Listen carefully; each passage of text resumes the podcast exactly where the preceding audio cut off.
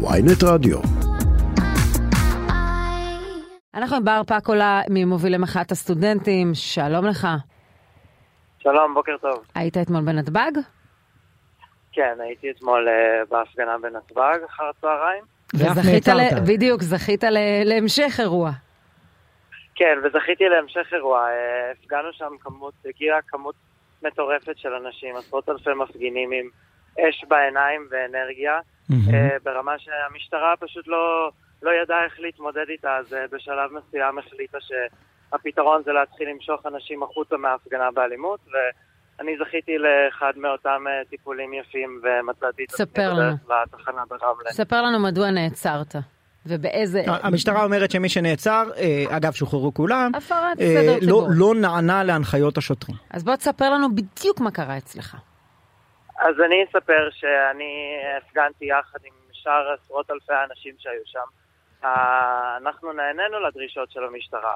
המתחם שהמשטרה ציפתה שכולנו ניכנס בו כשהגיעה כזאת כמות מטורפת של אנשים, היה לא סביר.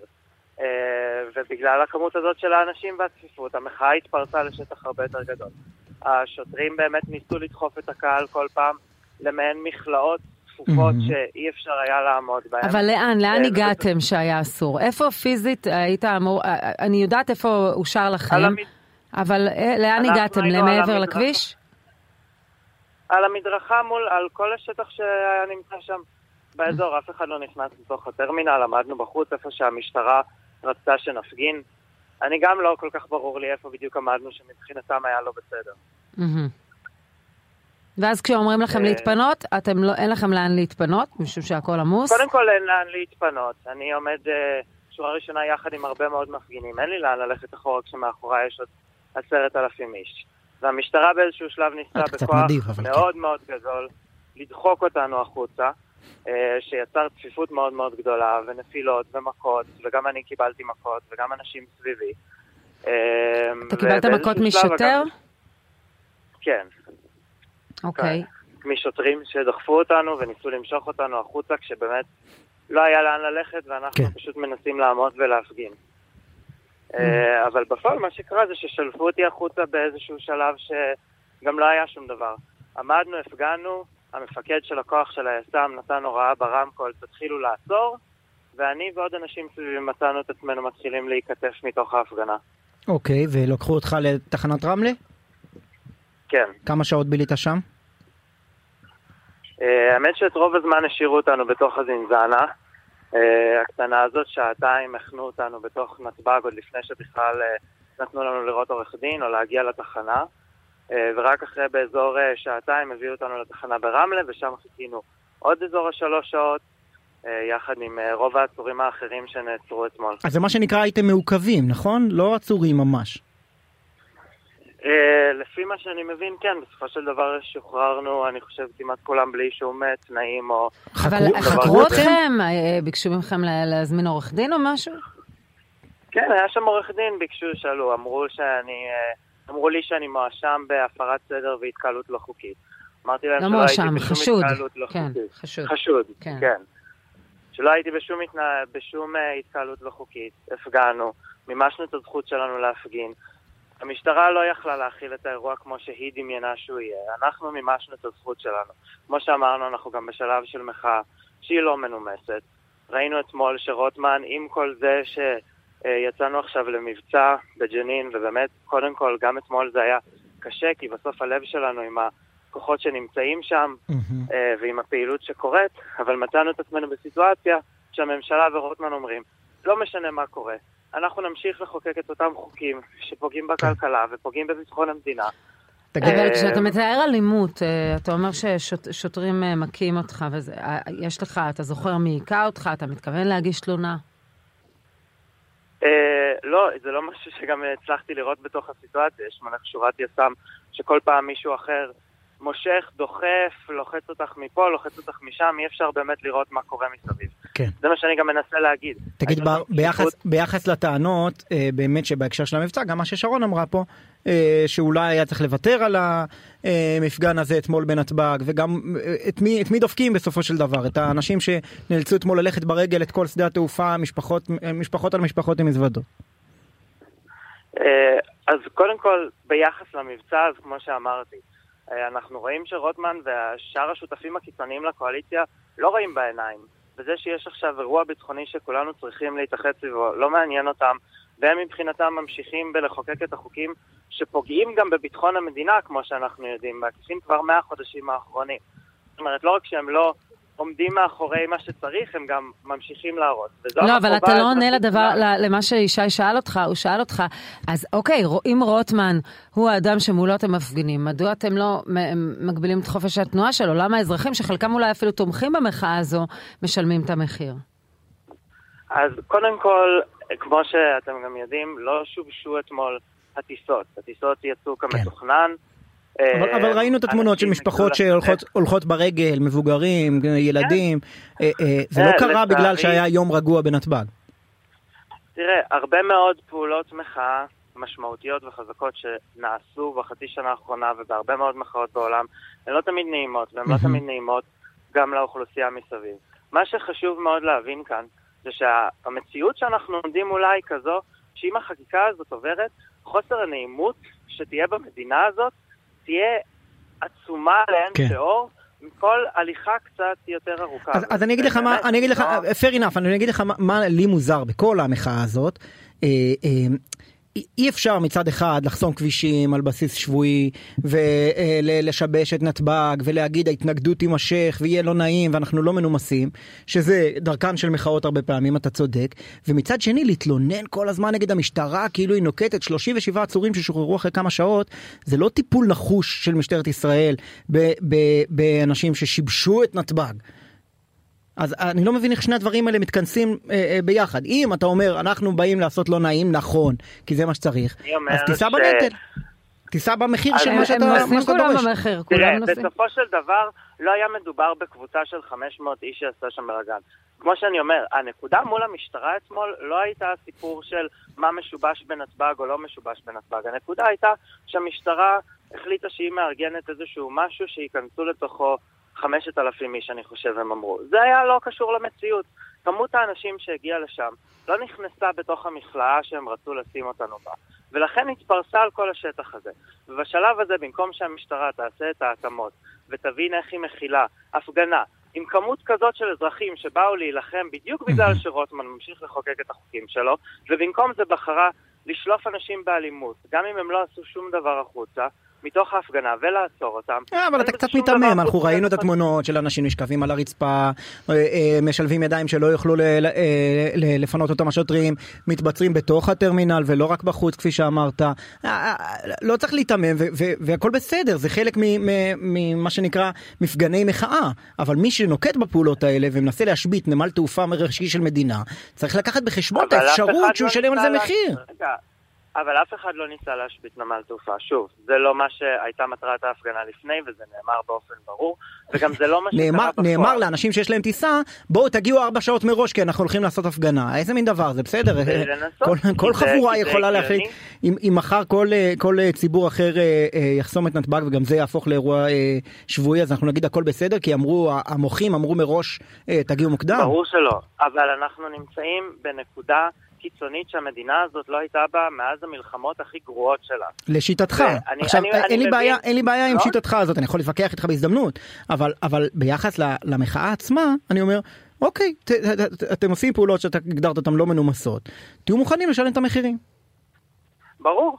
ברור שאנשים מוכנים לשלם את המחירים. למה מישהו נראה לך שלא כן. היה אה, מוכן לשלם את המחיר? הנהי והבכי על זה כאילו, שהמשטרה אה, אה, מנסה לא, לשמור על הסדר הציבורי, זה לא מצליחה גם.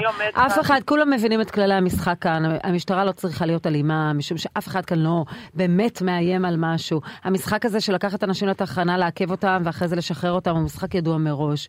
אז כולם צריכים להבין את זה, אבל זה שאנשים מוכנים, הם מגיעים ומוכנים להיעצר ולהשתחרר, הם יודעים, גם הם יודעים את המשחק. אספקט, מספרים, התייחסות, עם אלימות, המשטרה רכה עם המחאה הזאת הרבה יותר מאשר עם כל מחאה של כל ציבור אחר אי פעם במדינה. באופן כללי זאת, זה, זה כנראה אמירה שהיא נכונה, אבל זה לא אומר שבאופן ספציפי המשטרה לא מתנהלת גם בצורה שהיא לא הגיונית מול מפגינים. עכשיו, אני מסכים איתך, נכון, אנחנו בשלב של מחאה לא מנומסת, ואנחנו לוקחים את זה בחשבון, ואנחנו באמת נמצאים בשלב שגם מה שהמציאות דורשת מאיתנו היא לעשות פעולות שהן פחות נעימות, גם לעצמנו, גם לסביבה. ולצד זאת, גם צריך לשים בפרופורציות את זה, שאף אחד לא ניסה לשבש את נתב"ג בצורה שתפגע בו. הרי בוא, היו שם איזה 20 אלף איש לפחות בזמן נתון. אם מישהו היה רוצה לשבש את נתב"ג, אי אפשר לעצור אזרחים שהולכים. זה לא היה המטרה של אף אחד. ויש פה איזושהי נקודת איזון, שגם המשטרה צריכה למצוא אותה. אנחנו נמצאים בפתיחה של חודש שרק הולך להתחמם ולהסלים. Mm-hmm. יהיו עוד אירועים שבהם כמויות אדירות של מפגינים יהיו בכל מיני טוב. מקומות, והמשטרה לא תוכל תמיד להגיד בדיוק איפה להפגין. ב... זה חלק מהמשמעות של מחאה לא מנומסת. בר, אתה מוכן שנדבר רגע על עצם העניין? על צמצום עילת הסבירות כפי שמקודם אה, כן. בוועדת החוקה, עם הריכוך, בלי הריכוך, לא משנה. למה הוא כל כך אה, מחריד בעיניך עד כדי אה, אובדן הדמוקרטיה בישראל? אה, מה שאנחנו מדברים עליו לפי ההצעה שמונחת עכשיו בוועדת החוקה ושנידונה שם, אנחנו מדברים על צמצום של עילת הסבירות ברמה שהמשמעות שלה היא שנבחרי ציבור יוכלו לקבל כל החלטה ולמנות או לפטר כל אדם מבלי שום ביקורת שיפוטית. עכשיו, לי כן, זה משמעותי. לא, זה לא נכון. רגע, יש, יש, עוד עילות אה, אה, מנהליות. יש את עילת המידתיות, יש עוד, אה, עוד כמה, כמה וכמה עילות. רק, רק עילת נכון. הסבירות, נכון. שבו בית המשפט אה, צריך להגיד שההחלטה הזאת לא סבירה, אז אומר השופ, השופט סולברג, יש בעיה עם העילה הזאת. כשהוא כש, אה, יגיד זה סביר, הוא יגיד זה לא סביר. ולכן ביחס להחלטות של נבחרי ציבור, הוא מציע אה, לצמצם את השימוש, הוא הציע בעבר. כן, אבל אם אנחנו מסתכלים בפועל על כמה העילה הזאת אה, נמצאת בשימוש ובאיזה מצבים משתמשים בה, אנחנו רואים גם שמשתמשים בה במצבים שהם באמת לא סבירים באופן קיצוני, וקשה מאוד להטיל עליהם אחר כך ספק. נניח כן ראש עיר ירצה למנות את ביתו לתפקיד, וזה ייפסל בבג"ץ, אז מה, על מידתיות זה ייפסל? לא, זה צריך להיפסל על סבירות. אה, אה, צריך להיפסל אוקיי. על סבירות, זה כלי שמשתמשים בו, או לצורך העניין, אם עכשיו... איזשהו ראש ממשלה מחליט שלבן שלו מגיע עכשיו תפקיד uh, ציבורי, גם זה משהו שאתה צריך את עילת הסבירות כדי לוודא שהוא לא קורה. וגם חשוב, יש כאן שני אלמנטים. אחד זה מה עילת הסבירות עצמה והפתח שהיא מייצרת. ואני, בן 27, אני והחברים שלי מסביב, והסטודנטים שמתעוררים בימים האחרונים, אין לנו שום עניין לגדול במדינה שיכולים לעשות מה שהם רוצים ולמנות את הילדים שלהם. אתה יודע שעד עד, עד שנות התשעים עילת הסבירות נעשה בה שימוש רק במקרים מאוד מאוד מאוד קיצוניים, מה שנקרא דוקטורינת אה, לנדוי גרוניס, ו, ורק בשנות ה-80 ואחר כך ה-90 הרחיבו מאוד את השימוש בעילה הזאת באופן מאוד קיצוני ביחס לבתי משפט אחרים בעולם. אה, אה, עד שנות ה-80 לשיטתך וה-90 הייתה פה מדינה דיקטטורית וכל שר מינה את מי שהוא רוצה? רגע. קודם כל לא חייתי אז, אפשר באמת גם להגיד גם אני, אז מה? שני, לי אין ארץ ישראל הישנה והיפה כשאני חושב על ימי מפא"י, ככה שאני לא הולך להגיד לך וואו, היה פה מושלם. בא לי שנחזור לשם. לא, אבל הרטוריקה של, הרטוריקה של אובדן הדמוקרטיה וקליגולה שממנה את הסוס שלו ל... אבל תסתכל על מה כן, שקורה כאן, על, על החוקים הפרסונליים, על הסידור מקורבים, על הדברים האלה. אנחנו צריכים להילחם בתופעה המושחתת הזו, וזה אחד האמצעים שבית המשפט נלחם בה. מה מעניין אותי אם ההוא בהסתדרות לפני מאה שנה מינה את האח שלו, את האחיין שלו? אני נמצאת היום במדינת ישראל, אלה האתגרים שלי, וזה כלי להתמודד. נו בסדר, אבל אני רק מעיר על זה שאין שום קשר בין המציאות. אה, לא, בהקשר של ביטול עילת הסבירות לבין מה שמספרים לנו עליה אנשים שהולכים להפגין נגדה. ההרגל, המדינה המושחתת של פעם, לא, אני לא הורגת אליה. אני לא הורג אליה, אני רק אומר, עובדה שלא הייתה פה דיקטטורה, כן. אני רוצה גם לומר ש, ששוב, יש כאן שני, אחד זה עילת הסבירות עצמה, שתיים זה, זה התהליך שאנחנו נמצאים בו. אי אפשר להסתכל רק על עילת הסבירות ולהגיד, אה, ah, הממשלה קמה והחליטה שהם רוצים לשנות עילת הסבירות. לא. אנחנו נמצאים בתהליך ארוך של הפיכה משטרית. הם ניסו להעביר את חבילת החוקים הזאת ביחד, ועכשיו פרצו אותה. חשוב להסתכל גם על התמונה הגדולה שכוללת את כל הסלאמי הזה שמנסים לפרוץ, כי זה בדיוק המשחק שהם מנסים כן. לשחק. כדי שאנחנו נשב ונדון על הפרטים הטכניים במאה השנה האחרונות של עילת הסבירות והאקטיביזם השיפוטי, במקום להבין שיש כאן אינטרס אחד שהם פועלים לפיו כבר חצי שנה ולא הולכים לעצור, והם כל פעם יקראו לזה בשם אחר ובצבע אחר ויחלקו את זה אחרת, אבל הנקודה היא אותה נקודה. הם פועלים בתהליך okay.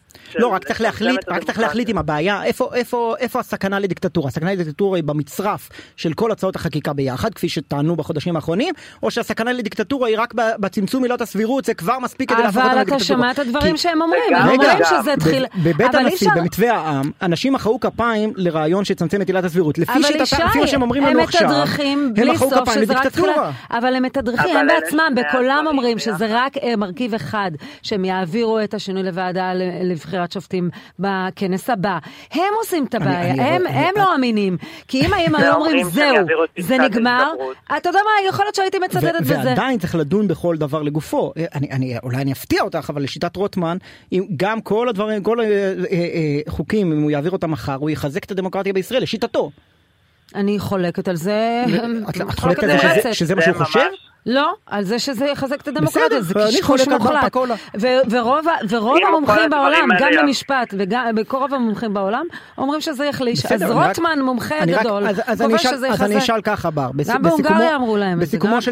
בסיכומו של דבר, אתה חושב שלא צריך לשנות שום דבר באיזון בין הרשויות במדינת ישראל, והמצב המשפטי בין בית המשפט לבין הרשות המחוקקת והמבצעת צריך להישאר בדיוק כמו שהוא היום? לא, אני אגיד לך תשובה ממש אחרת.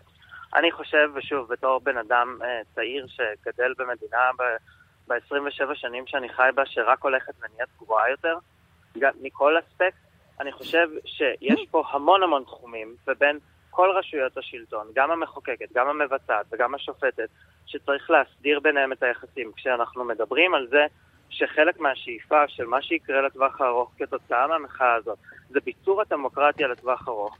הכוונה היא באמת להסדיר את היחסים בין הרשויות ובין הקבוצות אזרחים במדינה ובין המדינה לאזרחים שלה. כל החוזים האלה שנשברו צריכים להיות מוסדרים מחדש.